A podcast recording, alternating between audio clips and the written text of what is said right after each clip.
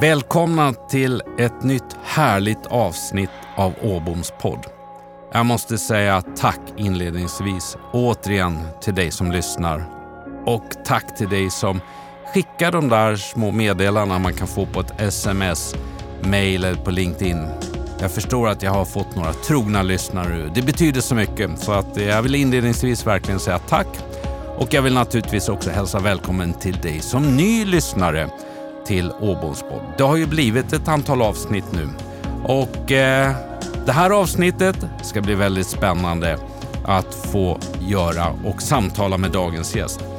Dagens poddavsnitt det är också en eh, tydlig koppling till bolagsstyrning och good governance. Jag har en samarbetspartner som heter Styrelseinstitutet och de brinner för detta. Så det ska vi komma in på lite grann under samtalet med dagens gäst om tips och tankar, men det återkommer jag till. Som alltid säger jag till er lyssnare, nu kan jag berätta att framför mig återigen sitter dagens gäst. Det är en intressant gäst med en framgångsrik och duktig karriär säger jag. En person som har en trygg utstrålning här i poddstudion. Dagens gäst, när jag ska se karriären, ja, jag hittar inte den som eh, så enkelt typ på LinkedIn utan eh, det här krävde ett litet förmöte för att få ner vem är dagens gäst. Ja, dagens gäst är född i Stockholm men är uppväxt i Örnsköldsvik.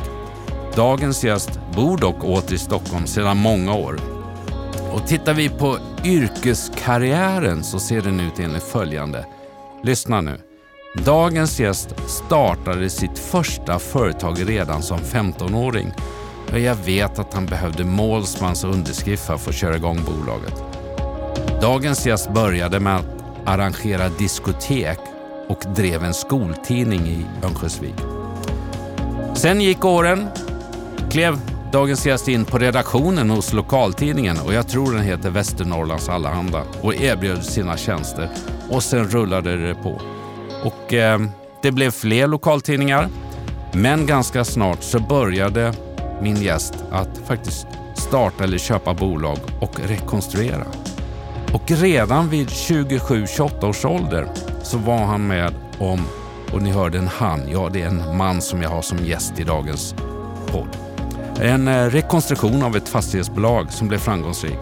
Klev också in i ett bolag som hette Storheden på 90-talet. Men det är också en gäst som har jobbat en del ideellt och stöttat olika organisationer. Och eh, jag tror att det finns ett intresse när jag säger att han har varit före detta ordförande i KMK. Nämligen, eh, det handlar om båtar. Idag så äger min gäst det välkända Sturebadet tillsammans med finansfamiljen Wall. Är den största ägaren i börslistade Moment Group. Och det är en nöjesproduktion. Och just nu vet jag att de är aktuella med att bland annat sätta upp Saturday Night Fever på Kinateatern. Också största ägare i ett helt nyligen börsnoterande Arlanda Stad Group. Dagens gäst är grundare och ägare av Gelba AB, eller Gelba AB kanske det uttalas. Ja, det är som ni märker mycket fastigheter, bolagsutveckling i denna person som vi nu ska få lyssna till och prata med. Så med den presentationen av en härlig, eh, spännande yrkeskarriär så här långt så säger jag varmt välkommen till ingen mindre än Per Taube. Tack så mycket. Fick jag med det mesta? Ja, du ska väl få ut det, det finns säkert det, ett annat. Det tror jag inte, men du fick Nej, med en del i alla fall. Det fick med en del. Ja, jag har faktiskt, eh, Per, när man eh, listade och sökte dig i bolagsregistret eh, så var det 36 eller 46? Nej, 36 träffar hittade jag i registret. Då. Så jag inser att du har många strängar på din lyra. Och eh, Du ska få berätta naturligtvis om det. Men Per, innan vi går in på vad som har gjort hela den här resan från första steget, 15 år gammal i näringslivet kan man säga, med att starta mm. bolaget. Kan du inte till mig och mina gäster berätta lite mer? Vem är Per Taube? Det finns ju lite utanför misstänka CVn om man säger så. Ja, Nej, men jag, man kan väl säga det att eh, jag har ju stort sett alltid varit min egen och startade företag tidigt och så på något vis har det varit ett, eh, ett levnadssätt eh, där allting har vävts ihop. Där jag har vänner, där mina, många, många av mina affärskollegor är mina nära vänner också och eh, på något vis tycker jag att det här har, det är ett sätt att leva. Jag umgås med väldigt många andra företagare och entreprenörer så att det präglar ju väldigt, väldigt mycket av, av mitt liv. Och eh, nu försöker jag ju i alla fall intressera barnen lite mer och mer för det företag som jag byggt upp. Och kanske tidigare har jag väl inte tänkt så mycket på vad som ska hända efter mig, men nu börjar ju de funderingarna också finnas där. Ska företaget finnas kvar och kan det här vara något för barnen? Att, kan det här komma till glädje för kommande generationer och kanske också för andra människor? vi jobbar ju med en del, med en del annat ideellt också. Så, att, eh, så nu är det lite nya tankar också som finns i mitt huvud. Mm. Gelba, ja. uttalas det så? Ja. Vad är Gelba? Gelba startade jag för ungefär 30 år sedan.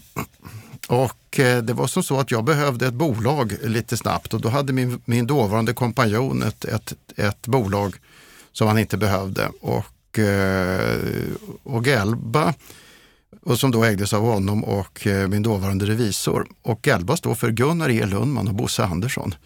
Så jag tänkte jag köper det bolaget och sen ändrar jag namn. Men det blev aldrig av och nu har det gått 30 år. Och sen tänkte jag att det var väl ganska bra att ha revisorns namn i bolaget. Det var ju svårt för honom att, att inte godkänna mina årsredovisningar när det bar hans namn. Så att eh, nu, får det, nu får det vara kvar. Och, och vad gör Gelba? Gelba blir mer och mer ett kan man säga investmentbolag. Och den stora förändringen som vi gjorde i med då att eh, Arlanda Stad Group börsnoterades innebär ju det att vi är ungefär 45-procentiga aktieägare i Arlanda Stad Group. Från början så var det ju en del av, av, eh, av Galba. Eh, vi har ju också andra investeringar som du beskrev inledningsvis. Så att vi går mer och mer mot att vara ett rent investeringsbolag och ett investmentbolag och blir mindre och mindre operativa. Eh, och man kan ju säga att det här bolaget, eller min verksamhet, den började ju egentligen med två, två tomma händer. Och, eh, så att jag har ju varit van att springa på alla bollarna själv och göra allting och så vidare. Men det är klart med åren har ju bolaget vuxit och det har blivit fler företag. Och, eh, och då måste man jobba lite annorlunda. Så att, och jag tror att det är, det är ju den resa som jag känner att jag har gjort, att man går från att vara företagare till att vara företagsledare. Det är två egentligen helt olika jobb skulle jag vilja säga. I första läget när man är företagare eller entreprenör, då måste man då gör man nästan allting själv. Man springer på alla bollarna och eh, eh, för många, som det har varit för mig i alla fall, så har det ju inte varit något alternativ. För man har inte haft råd att anlita folk. Man försöker ta sig fram bäst man kan. Sen växer företaget och då handlar det ju väldigt mycket om att omge sig med duktiga människor och hitta de duktiga talangerna. Och eh, det är en resa som jag känner att jag har gjort för att eh, det tog ett litet tag att inse att det finns faktiskt folk som är duktigare än vad jag är själv. Och nu har jag kommit så långt så att nu tycker jag att i stort sett alla mina medarbetare gör ett bättre jobb på de positionerna de har än vad jag absolut vad jag skulle göra själv. Så jag har till och med bytt ut mig som styrelseordförande i Arlanda Stad Group som jag är huvudägare i. Därför jag tror att den styrelseordförande vi har nu gör ett bättre jobb än vad jag skulle ha gjort. Så att det är en, det är en resa som, som jag har gjort och jag tror att det är många, jag tror att många företagare känner igen sig. I alla fall som har företag som växer. Per, när du pratar om att du har då omgett dig eller omger dig med eh, kompetenta personer för att hjälpa dig att utveckla ditt bolag och driva det och vara en del av det. Så, så här, hur, vad har du för tankar, vad har du för tips? Vad har du, hur har du lyckats då med att göra det? Har du en talang på det? Jag tror att det är en kombination av väldigt mycket. Men dels så tror jag att möjligtvis min talang, det är ju det att jag tycker om att träffa människor. Det är nog kanske lite grann grunden för dels de affärerna som har skapats men också till de medarbetare jag har. Eh, jag är nyfiken och jag tycker om att träffa människor. Det tror jag har varit, det har varit en grundläggande viktig del i min karriär. Eh, kanske i början så var det väl mer att man kanske jobbade, man träffade någon kompis och man kände någon och det, det medarbetare ramlade lite på plats på det sättet. Nu blir det väl mer och mer att vi gör, kan man säga, mer kanske professionella rekryteringar och har rekryteringsbolag som kommer in och, och, och, och, som kan göra ett mer gediget arbete och naturligtvis också se till att man har ett betydligt större urval än att man bara går på de som man kan komma på själv och som man känner. När vi träffades och pratade lite um, tidigare då, då vet jag att, för du har ju byggt det här från grunden. Mm. Du har inte kommit in i en familj alltså, som är företagarfamilj med, med många företag, utan det du har skapat och gjort från grunden, även om det fanns något bolag eller som din pappa och mamma drev? Ja, men det var, jag hade ingenting med det här att göra, utan, men de hjälpte mig i början. Men det här startade jag från grunden, absolut från noll.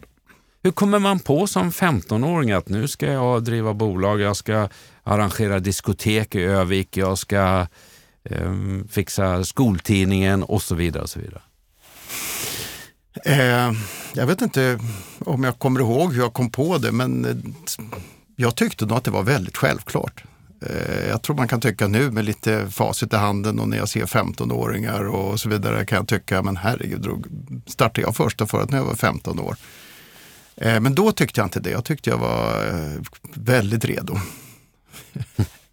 Så att jag tror att jag eh, på något vis kanske inte riktigt hade den här självkritiken. Jag hade nog en väldig övertro på mig själv. Och eh, jag hade väldigt stöttande föräldrar som trodde på mig vad jag gjorde. Så det har väl kanske bidragit till att man har kanske vågat ge sig på saker som, ja, som kanske ibland har varit lite för svåra. Men eh, ja, men de har funnits där lite grann? Och... De har alltid funnits där. Nu finns de ju inte kvar Nej. vid livet, men så länge de fanns vid livet så, så har de varit väldigt, väldigt stöttande. Jag försöker ju att, eh, eller försöker, ja, jag vill skapa mig en bild av mina gäster och då är ju nätet fantastiskt bra. Och då hittar man ju lite, då har du fått en titel här som heter Friherren med högt flygande framtidsplaner. Mm. Du har fått en annan här som jag hittade som heter Godsherre vill göra stockholmare till lantisar. Den tycker jag var riktigt rolig. Ehm, och ja, eh, då skulle du bygga 650 bostäder vid slottet står det. Och sen så står det Per Taube bjöd in till eh, motordag i Steninge och mm. så vidare. Finns det lite sådana här där du kommer ut och, du, och då får mig en del i din verksamhet är bland annat Steninge. Ja. Vad är Steninge för de som inte vet det, som lyssnar på podden? Steninge det är ett eh, barockslott som ritades av eh, Tessin den yngre och stod klart 1705. Så det är ett fantastiskt ställe som ligger i Sigtuna och som jag fick möjligheten att förvärva för en 12, 13, 14 år sedan. Jag kommer inte ihåg exakt. Och ursprunget egentligen till att, att, eh, att jag förvärvade Steninge, det var det att jag letade mark för eh, bostadsbyggande eftersom vi äger mycket mark runt Arlanda och vi utvecklar med tillsammans med Swedavia, Sigtuna kommun och utvecklar Airport City Stockholm, alltså flygplatsstad. Och där får vi inte bygga bostäder så jag letade aktivt efter att förvärva mark för bostadsbyggande. Sen fick vi den här möjligheten att förvärva Steninge slott och det här måste ha varit, det var efter, precis efter finanskrisen. Så att det var, det var ju inte så många eh, eh, spekulanter på Steninge. Det var väl i stort sett bara jag. Och eh, vi fick möjlighet att köpa den och kom överens med kommunen att påbörja en planprocess. Och, eh, så det är egentligen bakgrunden. Så att eh, man kan säga att det är två delar. Dels är den ena är ju kommersiell, det vill säga att vi har utvecklat. Eh, det blev inte 600 bostäder eller vad det stod där, det, blev, det blir 1000 bostäder. Så det är ett stort projekt. Absolut. Så där kommer väl bo kanske 3000 människor drygt. Eh, så det var den ena delen som var kommersiellt betingad och som var egentligen eh, skälet till varför jag förvärvade Steninge. Sen har ju Steninge blivit, det är ett fantastiskt ställe, det är oerhört vackert och eh, eh Steninge har historiskt sett ägts av familjen von Fersen, Gyllenstierna och eh, flera andra ägare, så det har ju varit en spännande mötesplats. Och det är något som jag har försökt, vill återskapa att Steninge ska bli en spännande mötesplats. Dels har vi en besöksverksamhet, att vi har restaurang och butiker och så vidare där vi har kanske 200, 250 000 besökare om året. Men sen jobbar jag eh, med Steninge och eh, delvis via då ett, ett eh, ideellt engagemang som jag har i en organisation som heter SIPRI, Stockholm International Peace Research Institute, som bland annat jobbar med medling och eh, och det här är inte några hemligheter längre, det var det innan de här mötena, men det har varit möten mellan USA, Nordkorea och Iran och så vidare. Så det var möten på hög nivå där jag ställde Steninge till förfogande för jag, jag vill gärna att det här ska bli en spännande mötesplats och kunna göra nytta. Hur känns det att ha den typen av eh, toppmöten på, sin, på sina marker om man säger på sin Nej, men det är spännande. Jag tycker att det är naturligtvis spännande för att man känner att man kan vara med och bidra, skapa ett bra klimat för de här diskussionerna. Eh, så att jag står ju lite för värdskapet i de här sammanhangen. Mm. Så det är den ena delen av det hela. Sen är det ju kul för mig att komma utanför, du pratade om din comfort zone. Och det är lite så för mig också, jag, jag jobbar med fastigheter i större delen av mitt vuxna liv. Mm. Det, började inte så som 15-åring, men ett antal år senare. Och det är spännande att vara med på en annan spelplan. Och, eh, och det kanske, det har väl med nyfikenhet att göra. Det är ju trevliga, intressanta människor och kunna få vara med och få vara en liten fluga på väggen när, i de stora världshändelserna. Du nämnde också det här ideella, där du har varit med i olika sammanhang för att du känner att här vill jag kunna bidra. Ja, men det, jag har tänkt mycket på det här och, och, och eh, för mig är det på det sättet, om jag jobbar ideellt, om jag engagerar mig i en förening och gör någonting, det är på något vis samma drivkrafter som när jag gör affärer. Och jag tror att kanske många som inte jobbar med affärer tror kanske att den främsta drivkraften är att tjäna pengar. Och jag vill absolut gärna tjäna pengar, men det är inte det som driver mig. Utan någonstans så handlar det om att man skapar någonting. Eh, ibland är det ett litet självändamål. Man vill göra något som är bra. Eh, så jag tror att det är drivkraften. Och är det affärer, då är ju naturligtvis pengar, det är ju verktyget eh, att, att kunna skapa någonting med. Eh, men jag skulle inte säga att det är själva målsättningen för mig. Att bli si eller så rik eller kunna göra det och det. Det är klart, när jag var ung, då hade jag naturligtvis mer konkreta drömmar att ja, kanske jag kan köpa den där sportbilen eller den här båten. Men det är inte det som är drivkraften. Mm. Eh, och skulle, jag, och skulle det vara drivkraften, då skulle jag nog stanna där jag är nu. Därför att marginalnyttan för att skapa mer står ju inte någon som helst rimlig proportion till risken. Mm. Därför att jag har egentligen så bra som jag kan ha det just nu. Första gången vi träffades Per så var vi i ett form av, kan man säga, advisory board jag glömmer aldrig, det gick en stund och då lutade du dig fram och sa okej, okay, när skickar vi första fakturan och till vem? ja. Det för att pressa dem som vi var som ett bollplank till. Ja. Så den ligger där, du har en, en uh, affärsmässig ådra i. Absolut. Men jag tror att möjligtvis, uh, jag tror att jag tänker småskaligt. Och sen har mitt företag vuxit. Jag tänker, jag tänker smått, jag tänker, tänker direkt på ja, hur skickar vi fakturorna, hur gör vi det och så vidare. Så att, eh, och jag känner också det, det präglar ju på gott och ont lite grann min verksamhet nu. Jag kan, instinktivt kan det sitta lite grann att jag tycker att ja, vi behöver köpa en ny kaffebryggare. Jag, jag åker in på on-off, det blir 500 kronor billigare. Så alla de här bitarna, de, de, de präglar mig lite grann, att man tänker småskaligt. Och ibland kan det bli lite löjligt också när vi sitter och håller på och jobbar med affärer i miljardklassen. Men men jag tror att det där är en, lite grann en instinkt. Kommer den ifrån din uppväxt och där du haft med den från Ja, alltså jag tror ju, det gör det absolut att det gör. Att det är ju, jag är inte uppvuxen med något överflöd, men det tror jag inte. Jag tror nog många som har varit uppvuxen med pengar också kan nog ha respekt och vara försiktiga. Så det tror jag inte behöver ha med det att göra. Men, men, ehm, men för mig har det varit på det sättet att min mamma var väldigt sparsam och det gjorde liksom att vi kunde ha ett bra liv eh, trots att de hade ja, kanske normalt ställt. Mm. Eller. Till våra lyssnare då som vill fånga tips, tankar och idéer med de gäster jag har förmånen att, mm. att ha här i poddstudion. Eh, och så tittar man nu kanske, så går man in och så googlar man på Pertorp och så ser man då fastigheter och nu då den senaste stora börsintroduktionen med, med Arlanda Start Group. Mm. Men då tänker jag, jag måste ställa frågan, varför hittar vi ägande i Sturebadet och Moment Group i, i din. Va? Du behöver inte, det är inte affärshemligheterna Per jag är ute efter, utan Nej då. hur du tänker eller vad är det som har drivit dig och vad, varför? Nej, men jag tror att en drivkraft har nog varit hela tiden. Det är det att när jag kommer in i en affär och det, så vill jag gärna kunna vara med och förädla eller påverka den affären själv. Eh, det var väl kanske så att jag kom in i olika rekonstruktionsfaser. För jag ser att min kunskap, mina kontakter, min kreativitet och ja, i början hade jag ju inga pengar, men nu har jag ju lite grann i alla fall och kunna investera mina, mitt kapital. Utifrån det kan jag vara med och skapa någonting. Så det präglar mina, mitt sätt att se på affärer. Eh, det vill säga att jag kanske i den bemärkelsen inte är så spekulativ där jag bara går in och köper någonting och sen kanske hoppas på att räntan ska gå ner eller någonting annat som jag inte kan påverka.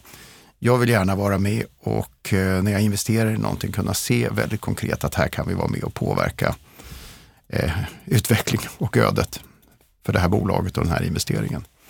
Eh, så, ja, så det, jag tror att det är det som har gjort och då har det gjort att vi har kommit in i lite andra branscher och det är lite tillfälligheter som styr också affärer. Eh, och det är ju även där på gott och ont kanske där man då som entreprenör kanske per definition är lite mer odisciplinerad. För man kan göra lite som man vill. Det är ju mitt bolag så jag bestämmer ju.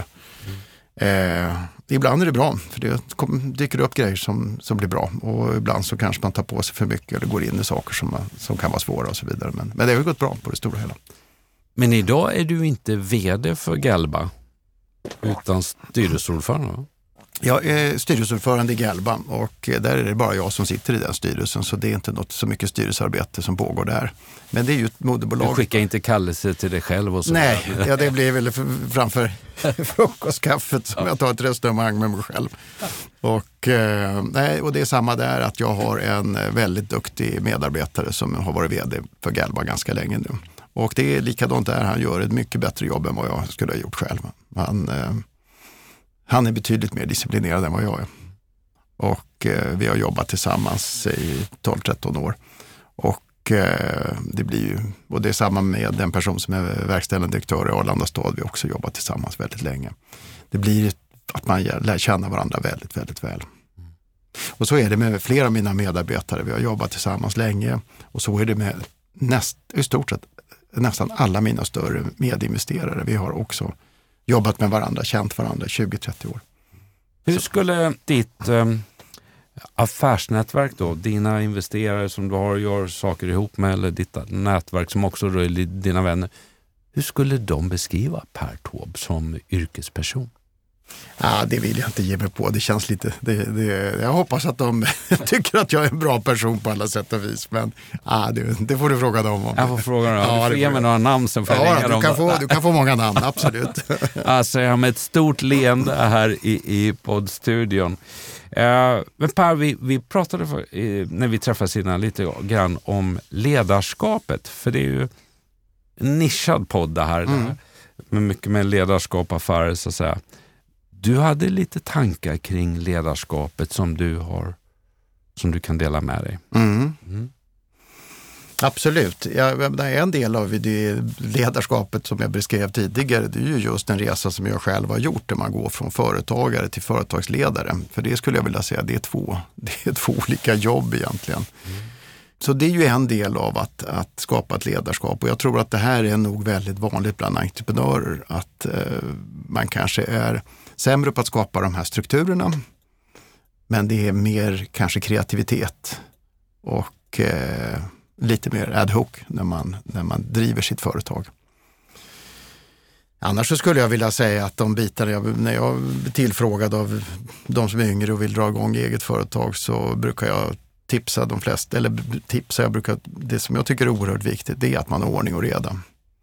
Jag har sett så många bolag som eh, när det växer lite grann, då, då kanske när man är nystartad och man är själv, ja då har du naturligtvis då har du det mesta i huvudet för då är, det inte, då är det, bolaget i stort sett inte större än hushållsekonomi. Mm. Men det behöver inte bli så, så stort från det är lätt att tappa kontrollen.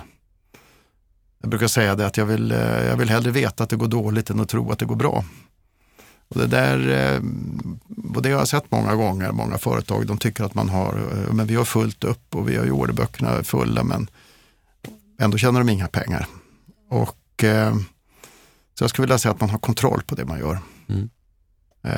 Det skulle jag vilja säga. Och det är också en förtroendefråga mot samarbetspartners, banker och så vidare. Det ger dem också en, en trygghet att du, att du har kontroll på din verksamhet. Så det skulle jag vilja säga att man redan från början eh, vinnlägger sig om att, att eh, ha bra ordning och reda på företaget. Mm. Det, skulle jag vilja, det anser jag det är en framgångsfaktor. Vision. Och nu har du hållit på med företagsbyggande kan man säga, sedan Ja. 15 års ålder på Ja. här och gjort jättemycket. Vad är visionen för dig framåt? Ja, det där borde ju vara självklart att svara. Liksom, det borde ju sitta i ryggmärgen. Men eh, nej, just nu så ser jag ju att vi utvecklar ju Arlanda stad, så där ligger ju väldigt mycket engagemang och det är ju vår största, största investering också, det som händer i det bolaget. Eh, Arlanda stad har, är för närvarande helt baserade i, i, i Arlanda stad, därav namnet. Men där vi kommer att gå in på nya geografier. Och det kommer att vara spännande. Så att det är att fortsätta vara med och vara en aktiv del att utveckla det bolaget. Det är väl som jag ser det. Och det ser du många år framöver. Ja, Mm. det gör jag. Kommer den eh, ideella delen att finnas fortsatt med? Eller ideella, ja men det har du så säga. Ja, jag, jag är fortsatt engagerad i Sipri. Det kommer jag fortsätta vara så, så länge jag tycker jag kan göra någon nytta och så länge de, framförallt att Sipri tycker det, att jag kan finnas med. För det tycker jag är väldigt, väldigt spännande och jag känner att, vi, att jag kan vara med och göra en viktig insats också. Så det tycker jag är, eh, ja, det är något som jag kommer att fortsätta med. Med risk då för att eh, låta som om jag skulle ha förutfattade meningar om den här entreprenören, inte just entreprenören Per Taube, utan entreprenören i sig. För jag är lite fascinerad av, du är väldigt generös när du går in och berättar att ja, men jag har lyckats anställa bra personer runt mig som är duktigare. Du har liksom satt samman teamet i de här delarna. Mm. Um, och därmed inte sagt att, att man, för man brukar säga entreprenörer, för, små familjeföretag, har svårt att, att släppa greppet på något sätt. Ja, Men du verkar ha hittat en mognadsfas där. Kan du, nej men jag hade också svårt att släppa greppet. och kunna till... Det, det, någonstans så tycker man, nej men jag gör det själv och jag vet bäst saker ska vara. Att kunna släppa möjligheten att fatta beslut och så vidare. Det hade jag väldigt svårt. Jag ville ha kontroll på allting och jag tyckte att jag hade de bästa idéerna. Mm. Ja, det är klart, det tycker väl alla, annars, har man, ju- annars byter man ju idéer. Men, så det hade jag svårt att släppa, så det har tagit tid för mig. Och, eh, så det är väl en kombination att jag har haft bra människor som jag har kunnat utvecklas med. Eh, jag tror att det är en stor resa för de flesta människor som är småföretagare och har ett företag som växer. Eh, jag tror att det är många som känner igen sig i det här. Att kunna vara beredd och, och släppa ifrån sig. Och jag vet många företagare som har jättesvårt att göra det och då har du svårt att få duktiga människor. Om du inte ger folk någon form av mandat att kunna agera, att kunna ge folk lite luft under vingarna. Ja, men då, du, de som är duktiga vill ju inte jobba i en sån miljö. Så att det tror jag är jätteviktigt, men det är en process. det är en process. För du är inte som, jag tror många företagare och företagsledare, liksom inte, du är inte en skolad ledare på det sättet, utan du har, du har uppfunnit ditt eget företag. Och sen så måste du, eh, eh, och man lär, lär på resan på något vis. Ja, jag tycker, och det, det här tycker jag att jag märker hos både små familjeföretag men även hos stora företagsledare som, har, som är entreprenöriellt uppbyggda. Du lyssnar på Åboms podd. Åboms podd är producerad i nära samarbete med tidningen Butikstrender, Sveriges största branschmagasin för dig som jobbar i dagligvaruhandeln och servicehandeln. Styrelseinstitutet, för dig som önskar hjälp med utbildning och rådgivning inom styrelseutveckling och bolagsstyrning. Och Red Means Go, en professionell studio för poddar och ljudböcker med personligt engagemang. Jag var imponerad när vi träffades innan, när vi satt och pratade. Du kände så, även om du säger det har varit en process Per, men du var så cool kring de olika stegen, hur du har tänkt. Då. Mm. Men jag har, jag har bra medarbetare omkring mig. Mm.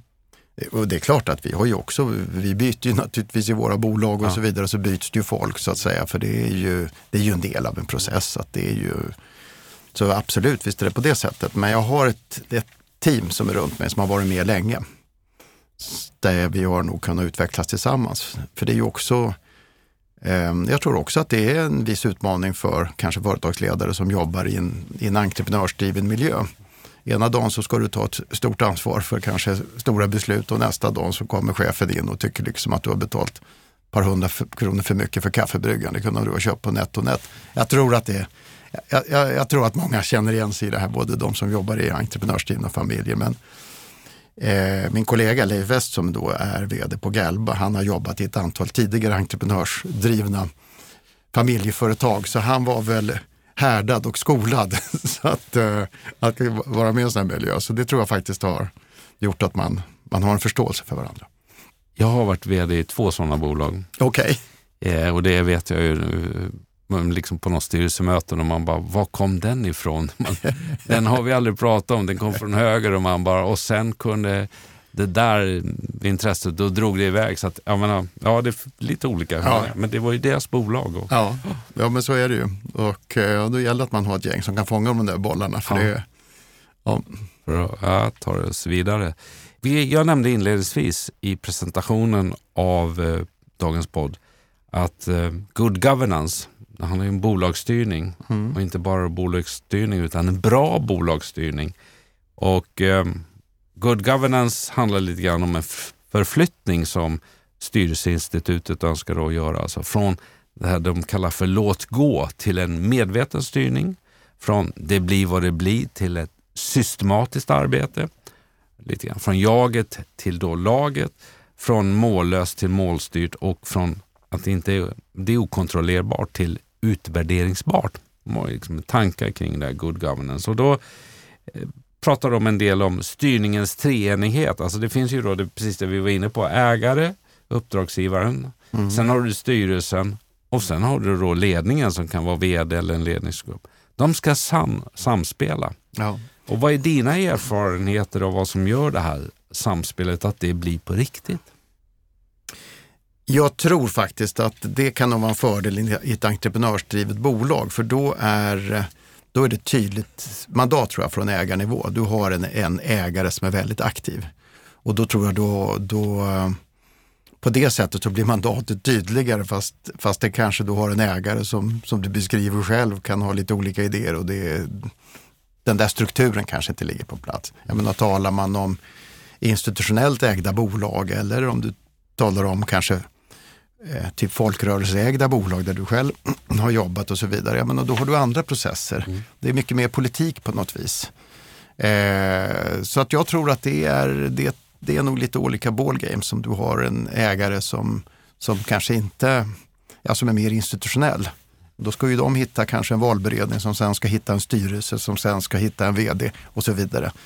Eh, ja, jag tror att det är två, två skilda processer och jag har ju, jag har ju erfarenhet av den entreprenörsdrivna delen.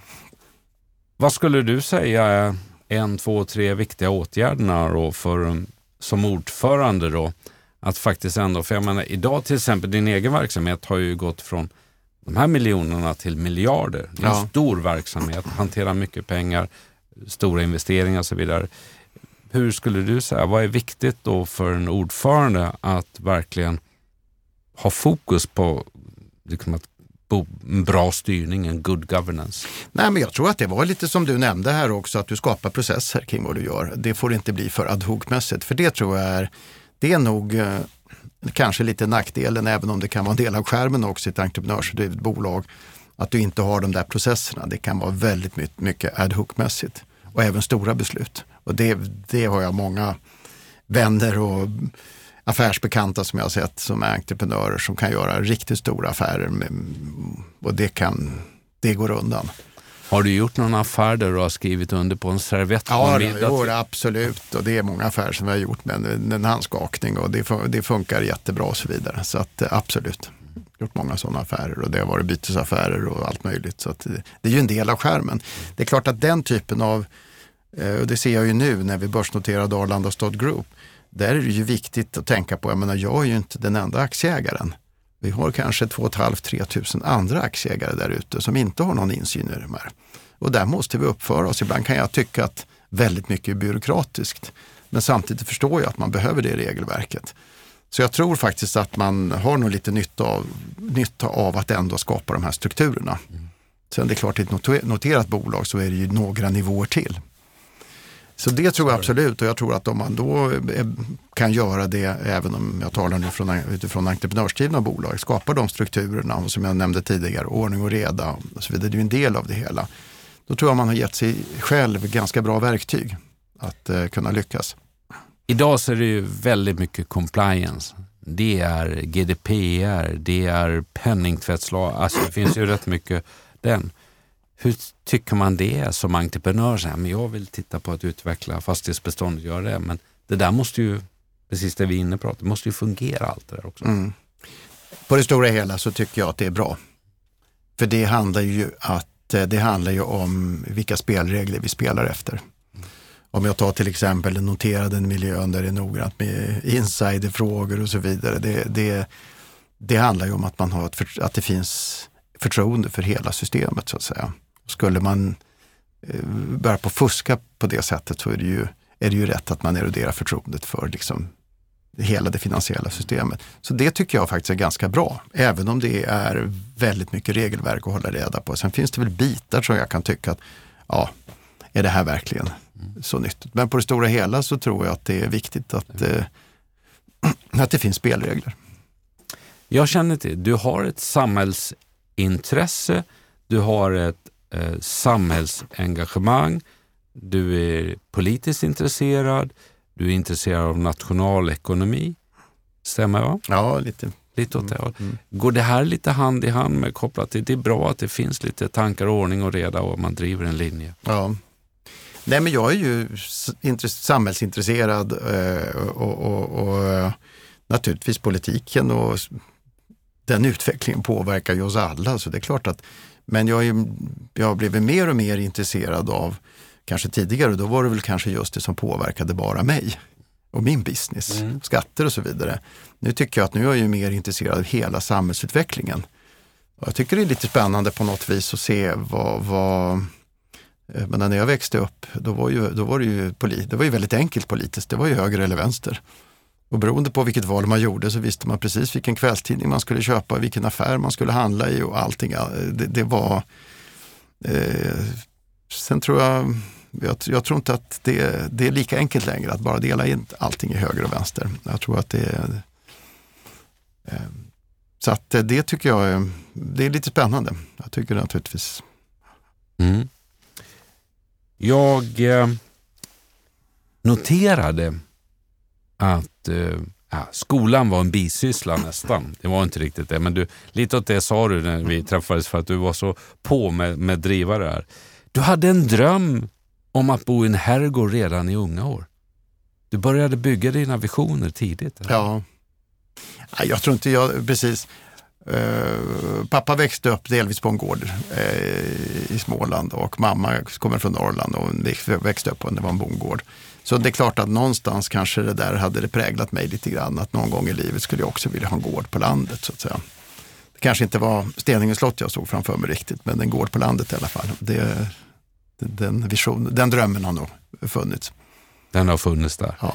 Du, um, när du pratar om värderingar, kultur, är kulturen bara kopplad till Per Taube som entreprenör eller hittar vi lite viktiga liksom, eh, milstolpar hur du tänker kring värderingar? Absolut, och jag tror att det finns nog där oavsett om man går och tänker på det och kanske strukturerar det. Men, men det finns vissa bitar som jag har haft med mig och, och vi, vi, vi har suttit och pratat tidigare om. Men, men för att ta när det gäller värderingsmässigt så kan man säga det att eh, eh, så bestämde jag mig ganska tidigt för att, eh, att undvika konflikter om det är en värdering eller en strategi, det vet jag inte. Men, eh, och det är kanske därför jag tycker det är spännande med SIPRI. Men, men man ser ju oftast eh, stora konflikter börjar med små konflikter. Och man ser ju många bråk, många vet ju knappt hur det började. Så det har jag haft som en medveten strategi som jag tror faktiskt har tjänat mig väl, att jag försöker alltid undvika bråk. Hellre att jag gör en, drar det kortaste strået och sen viker jag undan för att slippa konflikter. Jag gör hellre upp lite till min nackdel istället för att kanske ta en stor konflikt där, båda, där jag blir en ännu större förlorare och kanske motparten också. Så det är en strategi som jag har haft, att, att, inte, att undvika konflikter och inte bränna broar. Om man jobbar i din organisation, är det okej okay att göra fel? Jag hoppas att alla tycker det. De gör ju fel ibland och de är ju kvar allihopa. Kanske någon som kanske inte har fått vara kvar, jag vet inte. Eh, det, det, det, hoppas jag verkligen att de tycker. Det, det, tror jag. Jag tror vi har ganska högt i taket när det gäller det. Och jag tycker att, men det finns ju två, två typer av fel man kan göra. Det ena, det tycker jag, det är att man gör en felaktig bedömning. Man gör sitt bästa, man gör sin bästa analys och sen blir det inte som man har tänkt sig, utfallet blir inte som man har tänkt sig. Det tycker jag är ett fullt okej okay fel att göra. Men sen, ibland gör man ju fel där man slarvar. Man går på en nit på grund av att man inte har tagit reda på tillräckligt med fakta. Eh, man har inte lagt tillräckligt med tid på, på, på, på att göra hemläxan helt enkelt. Nej, det är fel som jag har svårare att, att, att acceptera, både med mig själv och andra, när det slarvas bort pengar. Eh, och det ska jag vilja säga, det, det är två skilda bitar som jag tror man måste hålla isär. Det är alltid lätt att sitta efter och, eh, i efterhand och säga att hur man borde ha gjort och spå väder som har varit, det kan vem som helst göra. Men om du backar tillbaka och tittar, ja, jag skulle faktiskt kunna ha gjort det här misstaget en gång till om jag ställdes inför samma förutsättningar. Eh, och fel gör man ju hela tiden. Så att jag skulle också säga det, det ju, där måste man ju vara prestigelös för att hela tiden rätta till de här felen. För det är ju hela tiden man går in i en affär. Det blir ju aldrig som man har tänkt sig. Det måste ju justeras precis hela tiden. Och det är ju fördelen med affärslivet till skillnad kanske från politiken. Vi behöver ju liksom inte surra fast oss vid, vid, vid masten och säga att vi ändrar oss inte. Mm. Jag, jag, kan mycket väl säga att det där jag tyckte igår, det var helt åt skogen. Jag tycker så här idag. Det finns liksom ingen prestige utan, utan det handlar ju bara om att se till att man, man, eh, man kommer framåt och gör någonting bra. Det kan ju ändras hur många gånger som helst. Under din spännande resa Per, om jag får ställa frågan till, vad, har du något liksom, där du känner att ja, men det där, jag gillar inte ordet misslyckande, men det där blev inte bra. Samtidigt som du kan komma att tänka på det där blev riktigt bra och så vidare. Har du, har du några sådana som har påverkat dig och format dig till fortsatta steg? Ja, det är många saker som inte har blivit som jag tänkt mig. Absolut, det finns väldigt mycket. Men, men, eh, och det finns också, vi har också slarvat bort pengar där man har gått in och gjort affärer. Eh, och satsat pengar för något som man har tyckt varit lite kul och sen eh, jag kommer inte på någonting roligt precis just nu, men det kanske kommer. Men, men eh, Gillar du att förhandla? Ja, absolut. Jo, men jag köpte in mig i, jag hade en, en, en god vän som skulle starta eh, typ, det var väl en för, föregångare egentligen till eh, att, att köra ut mat. Eh, Uber Eats kan man väl säga var en ah, föregångare. Okay, jag förstår. Och han hyrde in sig på, på olika eh, kök som var, var, stängda på kvällarna, skolkök och sen skulle han köra ut mat. Men det här var ju före internet och jag tyckte det här var en strålande idé. Jag trodde det skulle bli jättestort. Och där gick jag eh, till min dåvarande kompanjon. Vi, vi gick in med en miljon kronor och de pengarna de var borta ganska snabbt. Men vi fick i alla fall eh, fyra lådor med kinamat för en miljon kronor. Så jag tror det är få som äter så dyr kinamat som jag har gjort. ja, det kan jag förstå. Eh, och där gick det väl kanske lite fort när vi gick in i den affären. Men jag blev så väldigt förtjust i det här konceptet och tyckte att allting var, var eh, jag tyckte det var ett spännande upplägg. Men ja, det, det, det kände jag efteråt att ja, den där kanske jag hade kunnat undvika om jag hade kanske analyserat det lite bättre. Ja, är du, men, men som entreprenör och den resa du har gjort, det finns lite magkänsla i ja, men det där kommer funka, det kommer inte funka. Eller så finns det lite hjärta också, ja, men jag känner hon eller han, vi går ja. in och gör. Jo, men alltså magkänsla, hjärta och alla de här bitarna på något vis, det skulle jag vilja säga, det är ju på något vis att du sammanväger alla, alla intryck du får från olika håll och kanter. Jag brukar, jag menar, typ om jag sätter mig en taxi, då tycker jag, brukar jag alltid fråga, ja, hur går det? Har du bra med körningar? Eller var det, ja, om jag åkt med tio taxichaufförer efter varandra och alla säger att det har blivit sämre. Ja, då kan det vara nästan nog så viktig indikation som jag skulle läsa någon analys från eh, någon av de stora bankerna som kommer fram till någonting. Så att, eh, jag tror att du träffar ju människor hela tiden och du samlar liksom intryck. Och, och, och, och jag tror att det är det som är magkänslan, att du får det. Sen får man ju det med allt med åldern, allt eftersom man lever livet. Alla erfarenheter man har gjort, misslyckanden och lyckosamma saker och så vidare. Allt det där samlas väl i någon form av minnesbank som vägs samman i någon form av magkänsla.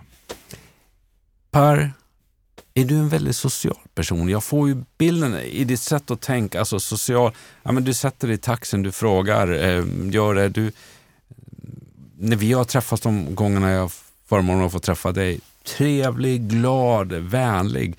Eh, du kommer, du sträcker fram handen. Ja, men du, liksom positiv känsla. Ja. Är du en social person också i ditt, i ditt entreprenörskap, i ditt ledarskap? Jag tror jag är väldigt nyfiken. Och ska man få reda på någonting då måste man vara social. Och, och jag tror faktiskt att jag, jag, tycker det är spännande att träffa människor och jag är väldigt nyfiken av mig. Så då, då blir det väl ett sätt att, att man får uppföra sig snyggt och trevligt också. De som sitter och lyssnar nu på det här avsnittet av Åboms podd, där har vi ju en del eh, personer som säkerligen eh, du har träffat. Men vi har också en del personer, unga personer, som är på väg att göra en resa som blir imponerande. De går in och googlar på Per Taube och tittar på bolagen och säger oj vad han har skapat från 15 år och, och i sin resa. Vad skulle du skicka med för Liksom konkreta, lite mentorstips till de här yngre som lyssnar um, som ser att Åh, jag skulle också vilja göra någon sån resa som Per har gjort eller motsvarande. Jag tror att kanske en bra start på en resa, eh, det är väl att eh, göra som inte, inte göra som jag gjorde. Jag skulle nog börja, om man nu är intresserad av fastigheter, börja på något större företag. Då får du de här åren där du får lära dig väldigt mycket. För de här första åren där man liksom famlar lite grann och man springer på väldigt, väldigt många bollar, det kan man låta någon annan betala för eller utbilda en i och man får dessutom betalt. Det skulle jag nog göra. Men sen är det ju väldigt många som startar eget som gör, man, man är så otålig så man tänker inte de banorna, man, man bara kör på. Men det skulle jag nog tycka att, eh, börja någon annanstans. Börja jobba hos någon annan och du lär dig lite strukturer, du, skapar, du får kontaktytor och så vidare. Det blir en liten genväg i, i, i, livet skulle jag vilja säga. Nej, men sen är det det jag var inne på tidigare, se till att man har ordning och reda. Och sen ska man ju komma ihåg att man kanske går och funderar på den här fantastiska idén eller visionen och så vidare. Men det är kanske 10 procent av resan, utan den stora, den stora delen det är ju genomförandet. Det är det det handlar om. Att man har den kraften att, att bygga upp ett företag. Eh, något som jag också haft stor nytta av det är att man eh, skaffar sig lite äldre mentorer som har varit i branschen. Och jag tycker ofta yngre som ringer till mig och jag brukar alltid försöka ta ett samtal eller ta en kopp kaffe eller, och lyssna och komma med, med de tips jag kan. Jag tycker det är bara trevligt. Och det, jag har haft ett antal mentorer genom åren också. Jag, dels är det trevligt och, och då kan man ju dra nytta av de som har varit med, deras erfarenheter. Hade du någon dröm att hon eller han skulle jag vilja jobba med eller lära känna och göra? Ja, jo absolut. Jag hade ju en, eh, jag hade ju en person som jag såg, såg upp till väldigt mycket när jag var ung och fortfarande gör. Och eh, Anders Wall är ju en person som har betytt väldigt mycket för mig. Och som jag, eh, när jag var, jag vet inte om jag var typ 14-15 år, jag hade tänkt att jag skulle bli affärsman. Eh, då, då tänkte jag att någon gång i livet skulle jag vilja jobba för Anders Wall. Och, eh, och vi har gjort väldigt mycket affärer nu och, och har, äger ju bland annat Sturebadet tillsammans. Och Anders har ju varit med i Arlanda Stond Group från början och ses ofta. Och, så Anders har betytt mycket. Jag har några andra som också, som jag, Claes Dinkelspiel, en annan person som också har betytt väldigt mycket för mig. Och det finns några till som, som jag har kunna rådfråga mm. om egentligen allt. Ja, det är viktigt. Mm. Det är ett tydligt råd och tips ska man säga. Ja. Med, med att skaffa äldre mentorer mm. som du kan ha med dig under resan. Exakt. Mm. Och då är det väldigt viktigt att säga till och som har kommit lite längre då i yrkesresan att också vara generös med tid när vi får chans att vara den här coachen eller mentorn ja. till yngre som hör av sig. Ja, men det tycker jag får man ju se som något kretslopp. Jag fick ja. hjälp när jag eh, växte upp och då får jag väl ställa upp. Men jag tycker dessutom det är ganska kul, det är roligt och, och det är väl som du inledde med, eller som du sa tidigare, att eh, ofta lär man sig någonting själv också. Mm. Och jag tycker många gånger, för det är så lätt när man det är klart man utgår ju från, från sig själv, men jag ser det när vi till exempel när vi skapade Steninge slottsby till exempel, när vi gör bitar. Det är så lätt man utgår ifrån sig själv och vad skulle jag vilja? Och sen så här, sitter man och pratar med, med människor från andra generationer så säger man nej men, nej men de tänker inte som jag gjorde. Det är inte som så att de som är 30 år idag tänker på det sättet som jag gjorde när jag var 30 år. Det, det går, jag kan liksom inte ta mig själv och tro att jag ska vara någon referens för hur vi ska göra. Så jag tycker också man lär sig väldigt mycket. Så inte vara referens, eh, sitt egen resa, för det är skillnad. Ja, eh, jag menar, vi hade tankar, det som jag tänker på konkret det var när vi skulle utveckla Steninge slottsby. Mm. Så jobbade vi väldigt mycket med eh, gestaltningsplan och vi tittade på vilka är vår potentiella målgrupp. Ja, det gör man väl i, i vilket företag som helst om man ska skapa någonting nytt. hade mycket tankar på vad är viktigt, vad är det för, hur ser målgruppen ut, hur tänker de och vad vill de ha för någonting? Eh, och som sagt, man utgår ju naturligtvis från sig själv. Hur hade jag resonerat när jag var 30 år och kanske ska köpa min första bostad eller bilda familj och allt det. Eh, ja, jag lärde mig rätt mycket på den resan och tänkte att nej, de 30-åringarna idag, de är, tänker inte riktigt som jag gjorde. Nej. Yrkesdelen i vågskålen. I den andra vågskålen lägger jag då ideella åtagandet. Du har nämnt tidigare i ett sammanhang att ja, men det är viktigt att ha en balans och kunna Ja, det är en annan bit om jag skulle liksom ge något råd till de som startar upp företag. Och, eller överhuvudtaget skulle jag vilja säga det att, att eh, man engagerar sig på andra arenor än kanske just där man har sin eh, yrkesmässiga karriär. Och det har jag gjort. Jag, menar, jag har varit med i massa olika föreningar. Det, du nämnde Kungliga Motorbåtsklubben där jag, där jag blev ordförande ett antal år. Jag har varit med i många olika föreningar och jobbar ideellt. Eh, och då får, du, då får du kontaktytor som du inte får bara genom att du nördar in dig på ditt gebit. Och det känner jag, dels är det kul att man lär känna massa trevliga, spännande människor. Men du bygger också eh, du bygger ditt kontaktnät du känner ju väldigt mycket folk. Man lär känna väldigt mycket folk från andra miljöer än där man är själv. så att säga. Och det tycker jag ju många gånger idag nu, kanske när jag var yngre, då tyckte jag det var mer spännande att träffa andra som var i fastighetsbranschen, för de kunde jag göra affärer med. Nej, nu tycker jag det är spännande att träffa andra människor, kanske mer. Mm. Din verksamhet idag omsätter någonstans runt tror jag, 8 miljarder. Nej, inte omsätter, men det är balansomslutning. Balansomslutning. Har du där ett eh, mål. Ah, men eh, nu ska vi passera 10, nu ska vi... Är det det som någonstans finns med också nej, i din resa? Nej, inga, nej. inga sådana volymmål överhuvudtaget. Nej, det, det har jag inte. Utan jag vill att jag vill sova gott på nätterna, jag vill ha en stabil verksamhet och eh, jag brukar... Jag, man måste, och speciellt när man jobbar med fastighetsutveckling som jag gör, så måste man ha lite för stora marginaler. För de kan behövas. Och det såg vi nu under pandemin där vi Eh, ja, det, det varit en utmaning på vissa delar i vårt bolag. Så att eh, då kändes det tryggt att man hade de här extra marginalerna. Mm, det kan jag förstå. Så att nej, jag har inte några sådana volymmål utan nu tycker jag väl, eh, jag hoppas jag väl att mina barn får se vad de är intresserade av och, och sen kan jag titta lite grann på hur, hur det här bolaget kan göra nytta kanske ideellt. Jobbar de i verksamheten ja, min, idag? Min äldsta dotter som är eh, 31, hon, eh, hon har startat sitt eget bolag och är jätteduktig. Så att, och det ju, tycker jag är ju fantastiskt kul. Och sen eh, nummer två, hon är 18 så hon går ju sista ring på gymnasiet. Så att, eh, och sen yngstingen, han är 14 så att det är väl lite tidigt. Så vi får se. Men jag skulle tycka ja, att det var... tidigt, du var ju 15 Per. Ja, jag, jag, jag vet. ja, vi får se om han startar. Du vet aldrig, han, du får ett sms, pappa nu har jag gjort det här. ja, ja, det vore ju jättekul. Spännande, härligt.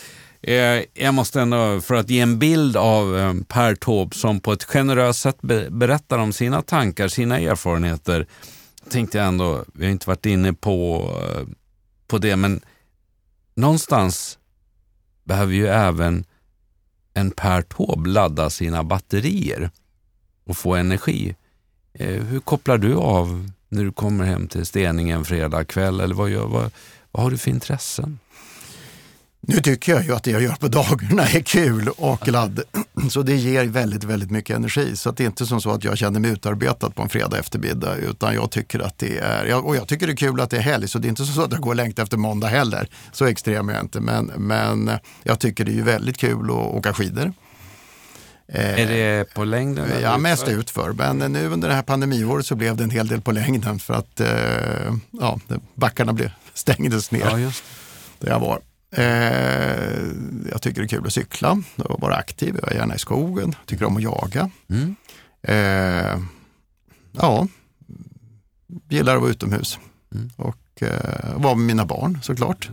Ja, förstår jag. Eh, gillar att vara på, vara på fjället och gärna gå eh, långa turer eller eh, får jag jaga ripa så är det jättespännande. Eller, är du även duktig på att laga till ripan? Ja, det får jag nog till. Jag, jag lagade mer mat förut när jag var yngre, men eh, jag tycker det är kul ja. att laga mat. Ja, men eh, det finns en, du har en, eh, en personlighet som också gillar att kunna koppla av livsnjutning, vet vad som ger dig energi och glädje att få ja. göra det. Samtidigt som du gärna åker in då till kontoret som du har inne i stan mm, och lägger upp någon affärsstrategi eller fastighetsberäkning. Nej, men jag tycker de flesta veckodagarna är kul. Ja.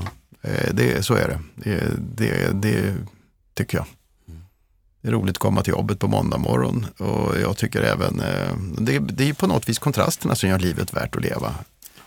Eh, jag kommer ihåg när jag var yngre, då tänkte jag det att, och då hade jag inte rest så mycket, jag hade varit på Kanarieöarna då tänkte jag det att om jag får riktigt bra ställt, då ska jag flytta till Kanarieöarna där ska jag bo. och jag kände det, Nej, så kommer det inte bli. Så jag skulle inte bli. vilja bo på Kanarieöarna året runt. Nej. Nej. Men det är inte så att man längtar efter... Um, det är kul med kontraster. Så att, men jag gillar, jag gillar att lufsa till kontoret i snöslasket i november. Det är helt okej. Okay. Men sen tycker jag ju härligt att kanske kunna åka till Schweiz och åka skidor eller åka upp till svenska fjällen och åka skidor och skoter och så vidare. Det är också härligt. Eller ut i skärgården kanske? Ut i skärgården, åka båt tycker ja. jag om att göra. Så att jag gillar de här kontrasterna. Mm. Men jag har absolut inget emot en slaskig novemberdag heller. Du tar det. Jag får en bild av en väldigt eh, cool person som eh, har en inre förmåga att hitta glädjeämnen i olika saker, eller hitta energi i de ja. olika momenten Per. Mm. Jag får det är min känsla. Ja, jag, ja. jag är ingen psykolog. Nej, jag, nej, exakt, nej, jag, jag bara sitter här och lyssnar och hör ja. dig. Nej, men jag tycker nog mitt liv är ganska kul oftast. Ja. det, den form, jag har haft eh, till större, del, större delen av mitt liv. Det är klart det har varit motgångar och det har varit problem och så vidare. Men, men om jag fick leva av mitt liv, då tror jag att det skulle få bli stort sett likadant. Mm. Var ser vi Per Taube om fem år med sina verksamheter, tror du? Nej, men jag tror att det kommer vara ungefär det som nu. Det kanske vissa bitar har vuxit och kanske något har vi sålt och så vidare. Men nej, jag tycker ja, det, det är ingenting som jag är sådär jättesugen på att ändra på. Jag tycker det är bra som det är nu egentligen. Det betyder ju inte att jag saknar ambitioner att utveckla. Det är klart att vi är på att göra affärer. Det är klart att jag ser att Arlanda stad har ju vuxit och blivit större och så vidare. Eh, men det är ju inget självändamål att växa. Det viktiga är ju att man är lönsam och, eh, och inte tar för stora risker. Jag har ju en, en uh, styrelseordförande i Arlanda stad som också har varit gäst i Åboms Just det. Peter. Ja, absolut. Ja, trevligt, duktig. Vad känner du att samhället, som avslutning lite grann, samhällets utveckling, vad påverkar det ansvaret som du och jag som ledare måste ta idag? Eh, staten kanske inte riktigt räcker till ibland i vissa beslut. Och har du, det är en stor omvärldsfråga, jag vet ja. men med tanke på din eh, kunskap om politik. Ja. Och... Nej, men just nu så känner jag att eh, det är klart klimatfrågan är ju stor. Mm. Men, eh, och där är ju naturligtvis viktigt, jag tror också att klimatfrågan in, innebär möjligheter för ett land som Sverige. Det finns nog delar där vi kan faktiskt bygga framgång kring, kring svenska innovationer och så vidare. Så det behöver ju inte bara vara en nackdel att, eh, att man behöver.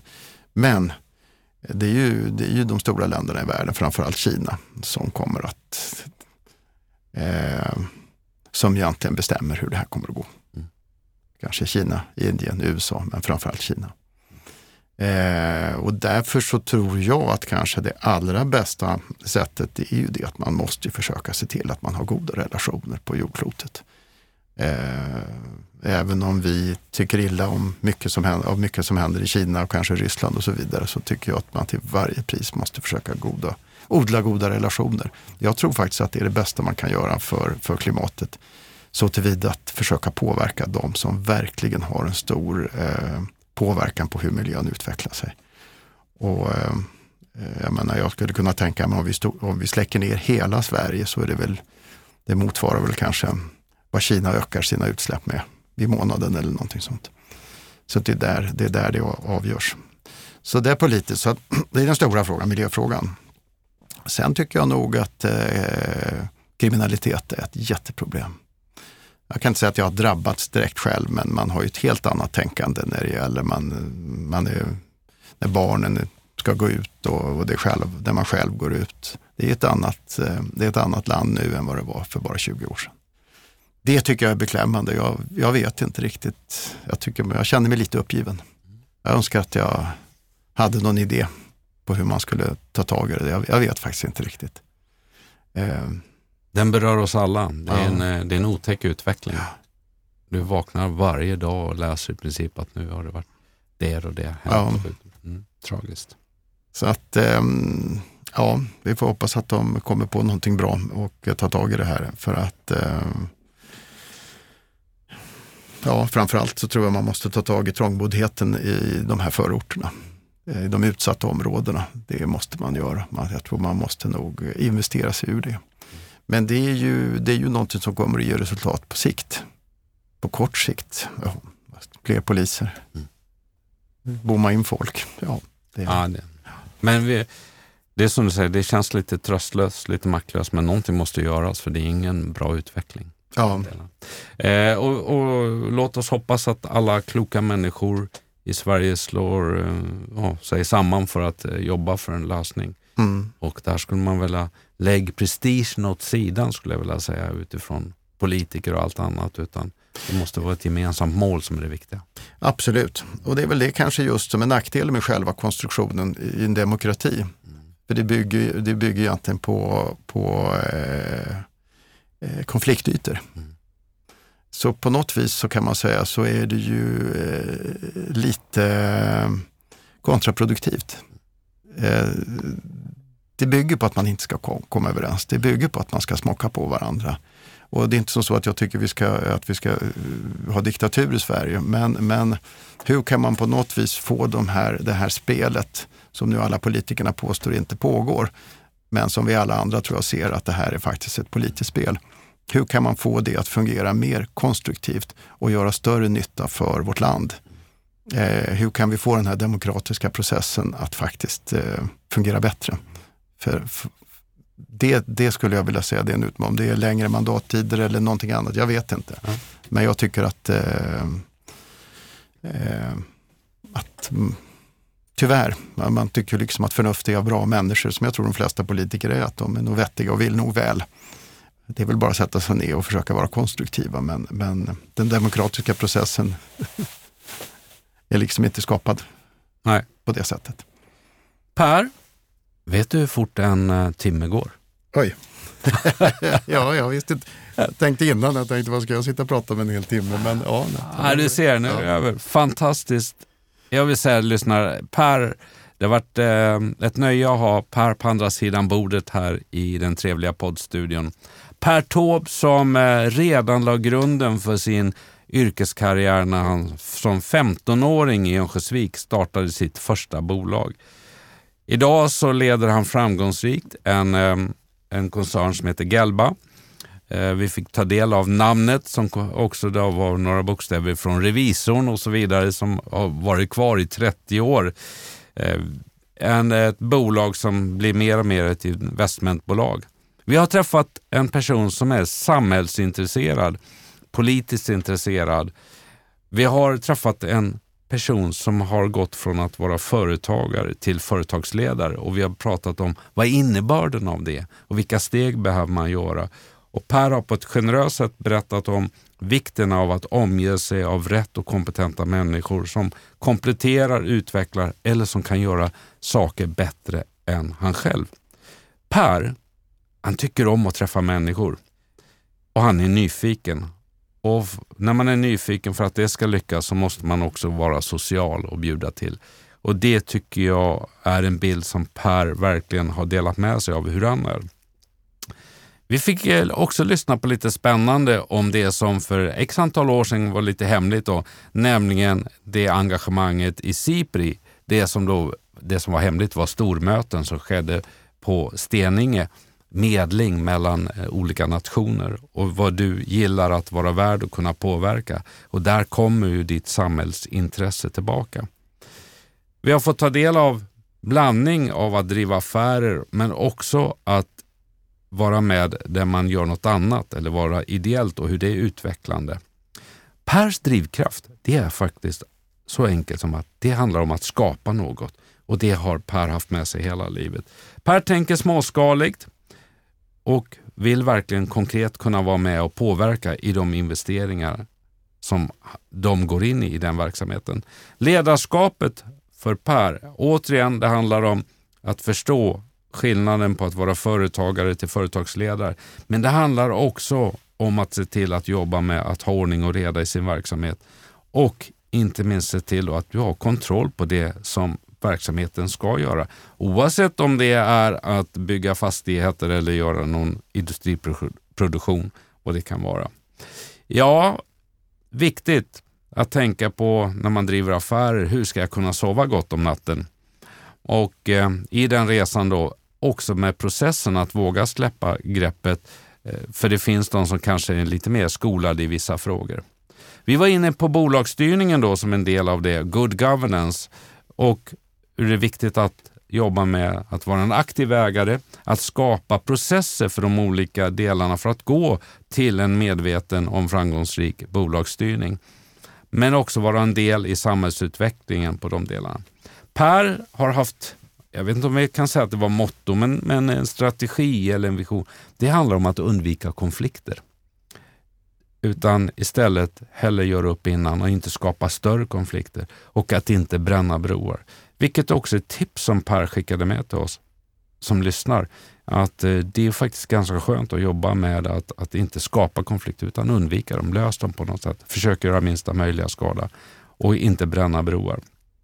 I Pers verksamhet så är det okej okay att göra fel, men det är inte okej okay att slarva. Det är ett synsätt du har med dig Per. Eh, för man kan ha haft jättebra beslutsunderlag och ändå blir det lite fel, för det finns grejer. Men att, att slarva när man inte har gjort hemläxan, det gillar inte Per. Tips till dig som är på väg på en yrkesresa. Börja på ett större bolag än att kanske starta fastighetsbolaget när du är 15 år.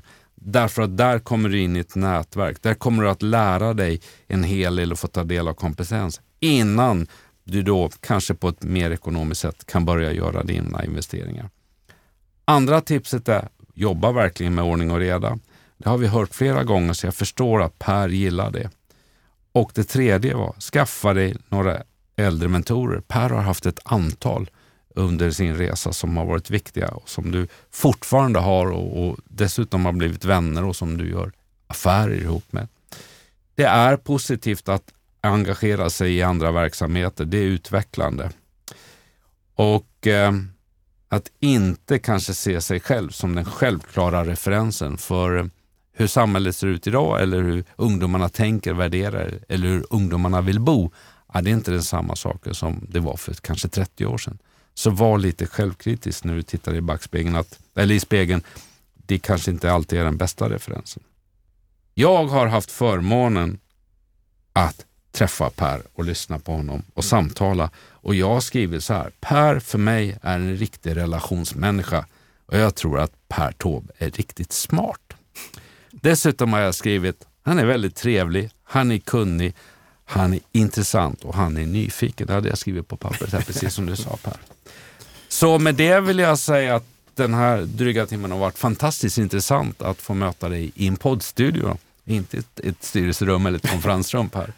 Och, och få lyssna på din resa som jag är väldigt imponerad av vad du har gjort och tycker du har en väldigt skön förhållningssätt till, till den fina stora verksamheten du har byggt upp. Tack, det är kul att vara här. Och så håller vi tummarna för dina kommande investeringar ja, det gör vi. och Absolut. verksamheten Ja. och hur du ska se vad, vad som händer med den här koncernen framåt då, och dina tre barn som, som, som är på väg ut. Ja. Någon är ju redan ute och någon har startat bolag. Men Ja, vad exakt.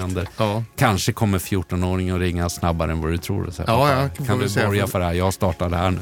Skicka podden till honom. så ja, får- du får göra det. Ja, men återigen stort tack, lycka till och ehm, tack för att du kom hit. Per. Tack själv.